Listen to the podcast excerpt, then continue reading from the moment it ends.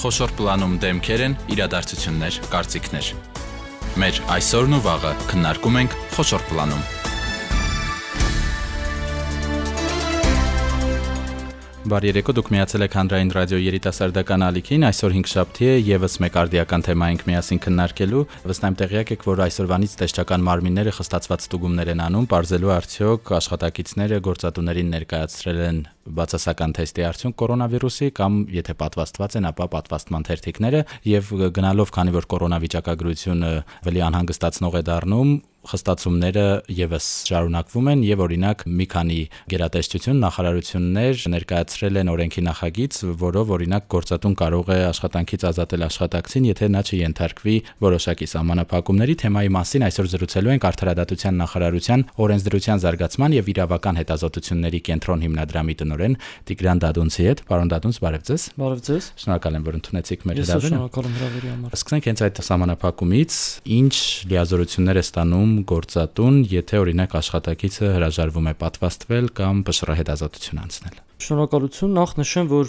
սա դեռևս նախագիծ է, որը շրջանառվում եւ քննարկվում է։ Այս նախագիծը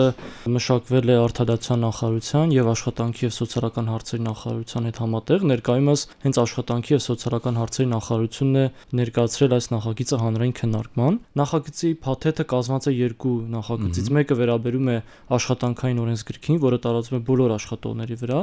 եւ մյուսը վերաբերում է հանրային ծառայության մասին օրենքին, որը վերաբերում է պետական հատվածի աշխատողների ծառայողների, այսինքն հանրային պաշտոն զբաղեցնող անձանց եւ հանրային ծառայողների վրա։ Ինչ է ասվում այս նախագծում։ Նախագծերի հիմքում հետեւյալն է՝ նախ եւ առաջինը, ուրեմն սահմանված է պարտականություն աշխատողի համար, որպեսզի նա պահպանի աշխատավայրում սանիտար համաճարակային անվտանգության կանոնները եւ հատուկ պարտականություն է սահմանված, որպեսզի նա աշխատավայր ներկայանա այդ սանիտարական կանոններով նախատեսված աշխատանքի համար անհրաժեշտ աշխատանքի ներկանալու համար անհրաժեշտ փաստաթղթերով։ Իհարկե օրենքում այդ փաստաթղթերը սահմանված չեն, քանի որ սանիտարական կանոնները սահմանված են առողջապահության նախարարի հրամանով այն է բացասական թեստի պատասխան յուրաքանչյուր 14 օրը 1 կամ որպես այլընտրանք պատվաստման վերաբերյալ սերտիֆիկատ կամ էլ հակացությունների վերաբերյալ տեղեկանք։ Եվ եթե աշխատողը առանց այդ փաստաթղթերի ներկայանում է աշխատանքի, ապա գործատուն արդեն հնարավորություն է ստանում աշխատողին չթույլատրել աշխատանքի։ Միանգամից չի ազատում։ Այո, եւ չվճարել աշխատավարձ։ Այսինքն որպես առաջին, այսպես, հա, փուլ, առաջին կանոն սահմանված այդ փաստաթղթերով աշխատանքի ներկայանալը։ Որից հետո եթե գործատուն ողջում է, որ աշխատողը ունի այդ փաստաթղթերը, նրան չի թողնում աշխատավայր եւ չի վճարում աշխատավարձ, այսինքն աշխատողը չի ներկանում աշխատանքի չստանալով աշխատավարձ։ Եթե այդ հիմքով աշխատողը աշխատանքի չի ներկայանում 30 օր անընդմեջ կամ վերջին 12 տարի 12 ամսվա ընթացքում 50 օր, ապա արդեն գործատուն հնարավորություն է ստանում լուծել աշխատողի հետ աշխատանքային պայմանագիր։ Սա է ամբողջ էությունը այս նախագծը։ Այսինքն գործատուն սպասում է այդ 30 եւ 50 օրը, եւ եթե տեսնում է, որ աշխատողը կրկին չի ներկայացնում այդ փաստաթղթերը, ապա արդեն հնարավորություն է ստանում դադարեցնել նրա այդ աշխատանքային հարաբերությունը։ Սա եւ պետական աշխատողների եւ մասնավոր սեկտորում ներգրաված աշխատակիցների հավասարապես է վերաբերվում։ Այո, դե պետական սեկտորի աշխատողների համար ինչպես նշեցի, առանձին օրենքով լիազորությունների ծառայության դադարեցման հատուկ առանձին հիմք է սահմանվել հանրային ծառայության մասին օրենքում, եթե լի աշխատող առանց հանրային ծառայող առանց այդ փաստաթղթերի ներկայանում է ծառայության, գործատուն մարմինը պետական որտեղ որ աշխատում է ծառայում է այդ հանրային ծառայողը չի թույլատրում նրան ծառայության եւ կրկին էլի 30 օր անընդմեջ կամ վերջին 12 ամսվա ընթացքում 50 օր ծառայության չներկայանալու դեպքում արդեն պետք է ընդունի որոշում այդ աշխատողի հանրային ծառայողի հետ ծառայությունը դադարեցնելու մասին։ Պարզ է, պարոն Դադունց, երբ ասում եք, որ ամեն օր ներկայանալ համապատասխան թղթերով, տպավորություն է, որ մուտքի մոտ ինչ որ մեկը պետք է ստուգի, բայց գիտեմ, որ այդպես չէ, չէ։ Մեկ անգամ օրինակ ներկայացվի, որ պատվաստված է, դա կգրանցվի գրանց համացյանում, ինչպես է լինում այս։ Այո, այդ հարցերը կարգավորված են առողջապահության նախարարի հրամանով սանիտարական կանոններով, գործատուն վարում է հատուկ գրանցամատյան, որտեղ գրառում է իրականացնում աշխատողների վերաբերյալ եւ այն փաստաթղթերի, որը ներկայացվել է, եւ բնականաբար եթե օրինակ աշխատողը ներկայացրել է պատվաստման փաստաթուղթ, ամեն օր դա ստուգելու կարիքը չի լինի։ Կամ նույնը ՊՇՌ-թեստի դեպքում, քանի որ 14 օրը 1 է այդ պարտականություն ներկայացնելու, բնականաբար ոչ թե ամեն օր, այլ 14 օրը 1 ստուգելու հնարավորություն արդեն կլինի գործատուի մոտ։ Նման խստացումներ ամբողջ աշխարհում կան եւ հետաքրքիր է, որ Իտալիայում էլ հենց հոկտեմբերի 15-ից է սկսվում այս պահանջը կամ թեստավորվել կամ պատվաստվել, իսկ նման սահմանափակում կան այլ երկրներում, որ օրինակ միջև բանը հասնի աշխատանքից ազատելուն բանտադունց։ Այ օրինակ այդ օրինակը միշտ բերում ենք, երևի կհիշեք, մոտ մի քանի շաբաթ եւ երկու շաբաթ առաջ էր կամ 3 ԱՄՆ նախագահ Բայդենը հայտարարեց եւ ընդունեց համապատասխան որոշում, որով ֆեդերալ ծառայողները պետք է պատվաստվեն եւ չպատվաստվելը հիմք է հանդիսանում աշխատանքից ազատելու համար։ Մեզ մոտ նույնիսկ ավելի մեղմ կարգավորումներ են, քանի որ անձին հնարավորություն է տրվում ընտրել թեստավորման տարբերակ եւ միայն որպես այլընտրանք պատվաստումը։ Պարոն Դադունց, իհարկե նոր է դրվել քննարկման, բայց հաստրել եք լսել օրինակ գործատուների կամ աշխատակիցների կարծիքը, արդյոք սա ինչ որ չափով չի հակասում մարդու աշխատանքի իրավունքին եւ նաեւ այն իրավունքին, որ ինքն է տնորինում իր մարմինը եւ որևէ մեկը չի կարող ստիպել պատվաստվել։ Հիմա բանը հասել է արդեն աշխատանքից ազատմանը։ Տեսեք, աշխատանքի եւ սոցիալական հարցերի նախարարությունը այս նախագիծը ներկայացրել է աշխատանքի համաշխարհային կազմակերպության կարծիքին, նաեւ ներկայացրել է կառավարության սոցիալական գործընկերներին, աշխատողների եւ գործատուների միության, արմիություններին, որպեսզի համատեղ քննարկում իրականացվի։ Բնականաբար նրանց կարծիքը պետք է լսելի լինի։ Ինչ վերաբերում է այս կարգավորումների խնդրահարույց լինելուն, ապա այստեղ պետք է հասկանանք այդ շահերի հարաբերակցությունը։ Մենք ունենք հանրային շահ, դա հանրային առողջապահությունն ու անվտանգությունը եւ մասնավոր շահը գործատուի եւ աշխատողի հարաբերությունները։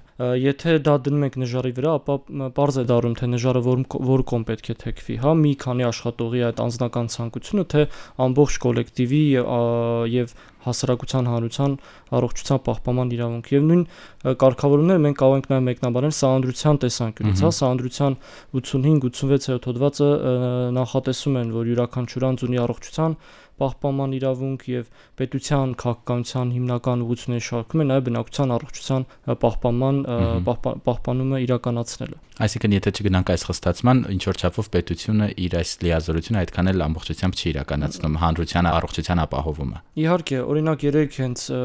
ասուլիս էր տեղի ունենում, որի ժամանակ լրագրողներն էլ նաև նշեցին, որ պետությունը թերանում է որոշակի խիստ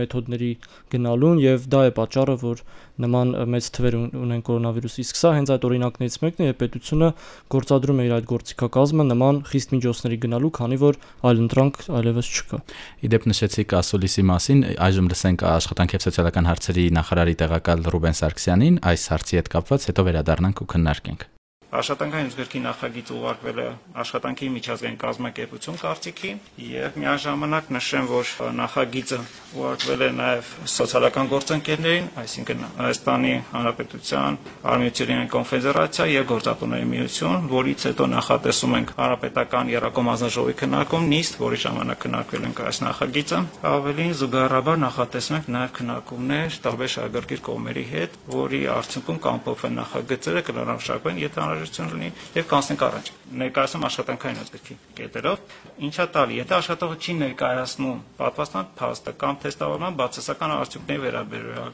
հավաստող փաստաթուղթը, ապա գործատուն իրավունք է ստանում չթույլատրել ներկա աշխատողին աշխատանքի անցնելու, հաջորդը գործատուն իրավունք է ստանում չվճարել այդ ժամանակահատվածի համար աշխատավարձ եւ այդպես մեջ այդ պատճառով 30 օր չներկանալու պարագայում գործատուն իրավունք է ստանում լուծել պայմանագիրը իսկ եթե դա տևում է 50 օր 12 ամսվա ընթացքում, ապա նույնպես գործատուն ստանում է այդ իրավունքը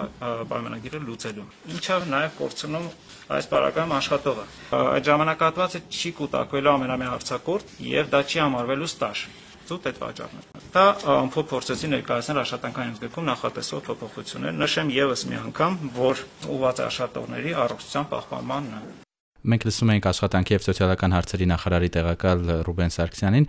պարոն Դադունց, հետաքրքիր է նաեւ այդ հենց պատվաստման գործոնը, որ մարդիկ էլի նշում են, որ իրենք են տերը իրենց մարմնի եւ իրենք պետք է որոշեն։ Իհարկե ես գիտեմ, որ պետությունը սրան որպես հակապաստարկ բերում է, որ դրա համար էլ դրված է թեստավորման պահանջը։ Այս դեպքերը էլի շատ են աշխարհում տեսեք, նույնիսկ հարկադիր կամ պարտադիր պատվաստումների դեպքում մարդու իրավունքների եվրոպական դատարանը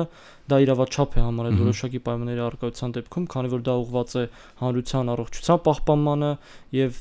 նույնիսկ հարկադիր պատվաստումը, ինչպես նշեցի, դիտել է իրավաչափ։ Իսկ միջազգային պրակտիկայում որոշ դեպքերում դա իրավաչափ է, երբ գործ ունենք նման համաճարակների կամ հանրության առողջության սպառնացող վտանգների հետ։ Մեր դեպքում այդ իրավիճակը չէ, ինչպես դուք նշեցիք, հարկադիր պատվաստման մասին կարծում եմ պետք չէ խոսել, որովհետև ամեն դեպքում այլընտրանքը կա այլ հարց է որ տվյալ այլընտրանքը ինչպիսին է, հա, քանի օրը մեկ է այդ թեստավորումը պահանջվում կամ արդյոք աշխատողները նման հնարավորություն են թե ոչ, եւ այդ պատճառով էլ վերջերս էլ կարծեմ առողջապահության նախարարը լրացումներ կատարեց իր հրամանում եւ ավելի ընդլայնեց այդ բացառությունների շրջանակը, հա, ովքեր կարող են չպատվաստվել կամ չգնալ պատվաստման, օրինակ եթե վերջերս են հիվանդացել, 90 օր, այո նման կարգավորումներ նախատեսվել են, այսինքն սա ենթադրում է այն մասին, որ պետությունը արդեն իրավիճակին համահունչ բարելավում է իր մոտեցումները տվյալ հարցի վերաբերյալ։ Վերադառնալով աշխատանքից ազատել չազատելու խնդրին, մենք գլոբալ ասում ենք գործատու աշխատող, բայց գիտենք, որ աշխատանքի կազմակերպայրավական տարբեր ձևեր կան, օրինակ հաստիկային աշխատողներ կամ ինչպես ասում ենք խաղիրավական, հա, ծառայություններ մատուցող, այս շրջանառվող նախագծում կոնկրետ որ մեկին է վերաբերում սահմանափակում։ Սա սա բնականաբար վերաբերում է հենց աշխատանքային պայմանագրով աշխատողներին։ Հաստիկային, ինչպես մարդիկ են ասում։ Այո, ինչ վերաբերում է խաղիրավական պայմանագրով, արդեն այստեղ գործ ունենք, մենք պետք է առաջնորդվենք ենք նախարարի հրամանով եւ գործատուն այստեղ ոչ թե գործատուն է, այլ արդեն տվյալ անձի հետ պայմանագրային հարաբերությունների մեջ գտնվող անձ, անձն է որոշելու այս հարցի ճակատագիրը եւ եթե չեմ սխալվում, հենց նախարարի հրամանում են այս հարցերը ստակեցված են, որ նման կարգավորումներ պետք է կիրառվեն նաեւ այն դեպքում, երբ այդ քաղաքացիական պայմանագրերով աշխատողը անձը ծառայությունը մատուցում է տվյալ անձի նշած վայրում։ Պարոն Դադոնց, դուք նշեցիք, եթե 30 օր անընդմեջ կամ 12 ամսում 50 օր, եթե չեմ սխալվում, այսինքն հնարավոր է 1 օր գա, 1 օր չգա այդ խնդիրը ինչ որ կերպ կարգավորվի, չկարգավորվի եւ տարեվերջին նոր ինչպես է լինելու, հա, գործատուն է հաշվելու, քանի օր չեկավ, ըստ նախագծի ինչ նորմեր են սահմանված։ Դա հատուկ կարգավորված չէ, դա ընդհանուր կարգավորում է, յուրաքանչյուր օր բնականաբար գործատուն իր այսպես տաբել կոչվածում, հա, աշխատաժամանակի հաշվարկում նշումներ իրականացնում եւ կարող է աշխատողի բացակայությունը կամ ներկայությունը ուրեմն ֆիքսել։ Նաև խոսքը վերաբերում է նույն գրանցամատյաններին, այնտեղ էլ կարող են համապատասխան նշումներ իրականացվել։ Պարզ է, պարոն Դադունց, մեր խորհրդարանական ընդդիմությունը հայտարարել է, որ պատրաստվում է վիճարկել առողջապահության նախարարի հրամանը համանդրական դատարանում։ Ինչ հետաքրքիր է, եթե միջազգային փորձ ուսումնասիրում եք աշխարհի այլ երկրներում կա նման դիմադրություն պատվաստումների դեմ հենց այս դիմադիրների շրջանում, ոչ թե պարզապես բնակչության։ Վստահ չեմ կարող ասել, քանի որ հատուկ այդ հարցին ուսումնասիրության չենք ենթարկել, կարիք էլ չի եղել այդքան եթե չեմ սխալվում երկներից մեկում էր կարծեմ Իտալիայում էր որ Իտալիայում շատ բուրըն է դեպ ամենաշատ տուժած երկրում զարմանալիորեն շատ այո հենց դա է որ կարծեմ ինչև սանրական դատարանային հարցը բարձրացրել բայց եթե չեմ սխալվում կապված էր թեր կարգավորումների հետ եւ հետագայում դա շտկվել է ամեն դեպքում յուրաքանչյուր սահմանափակում որոշակի չափանիշների պետք է համապատասխանի ունենա այդ լեգիտիմ նպատակը ժողովրդավարական հասարակությունում լինի դա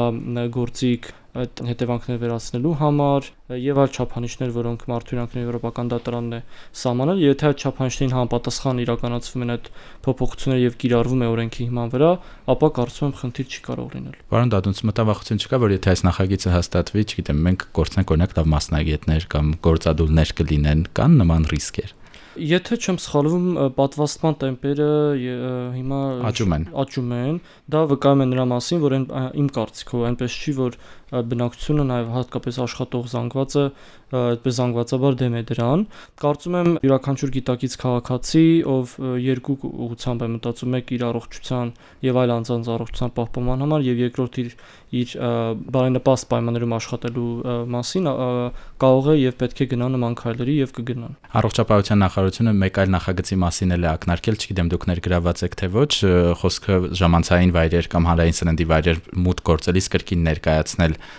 ՊՇՌ հետազոտություն կամ պատվաստման թերթիկ, սա էլի ազատ տեղաշարժի խախտման օրինակ չէ։ Դուք ճիշտ եք, մենք ներգրաված չենք առողջապահության նախարարությունն է այս նախագծի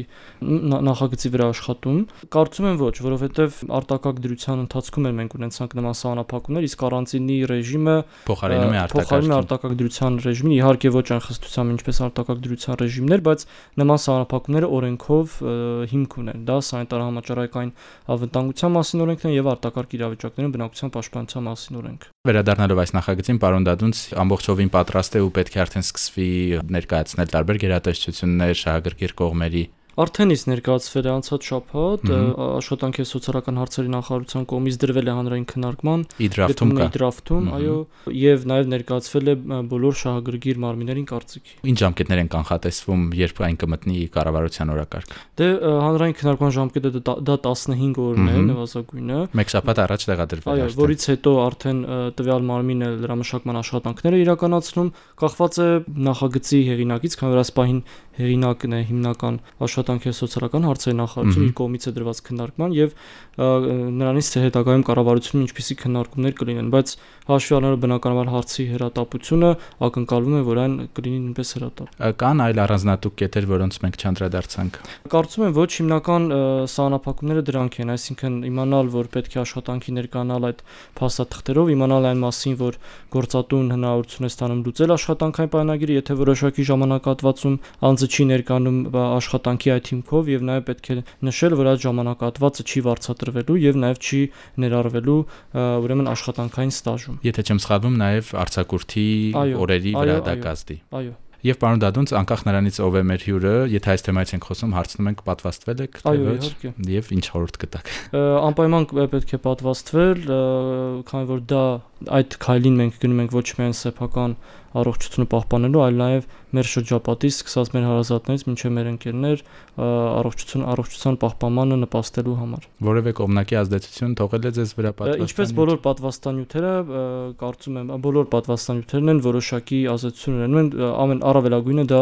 ջերմության բարձրացումն է կամ 1 կամ 2 աստիճանով առավելագույն եւ ոչ ավելին։ Շնորհակալություն, ձեզ առողջություն եք մաղթում։ Ձեզ շնորհակալ եմ։ Ես հիշեցնեմ, որ զրուցում ենք Արդարադատության նախարարության օրենսդրության զարգացման եւ իրավական հետազոտությունների կենտրոն հիմնադրամի տնօրեն Տիգրան Դադունցի հետ։ Քանի այս խստացումները կան եւ դրանք քննարկվում են, մենք դրանց բարբերաբար կանդրադառնանք։ Տաղավարում այսօր աշխատեց Սևակ Հակոբյանը, կհանդիպենք հաջորդ 5 շաբթի։ Առողջ եղեք։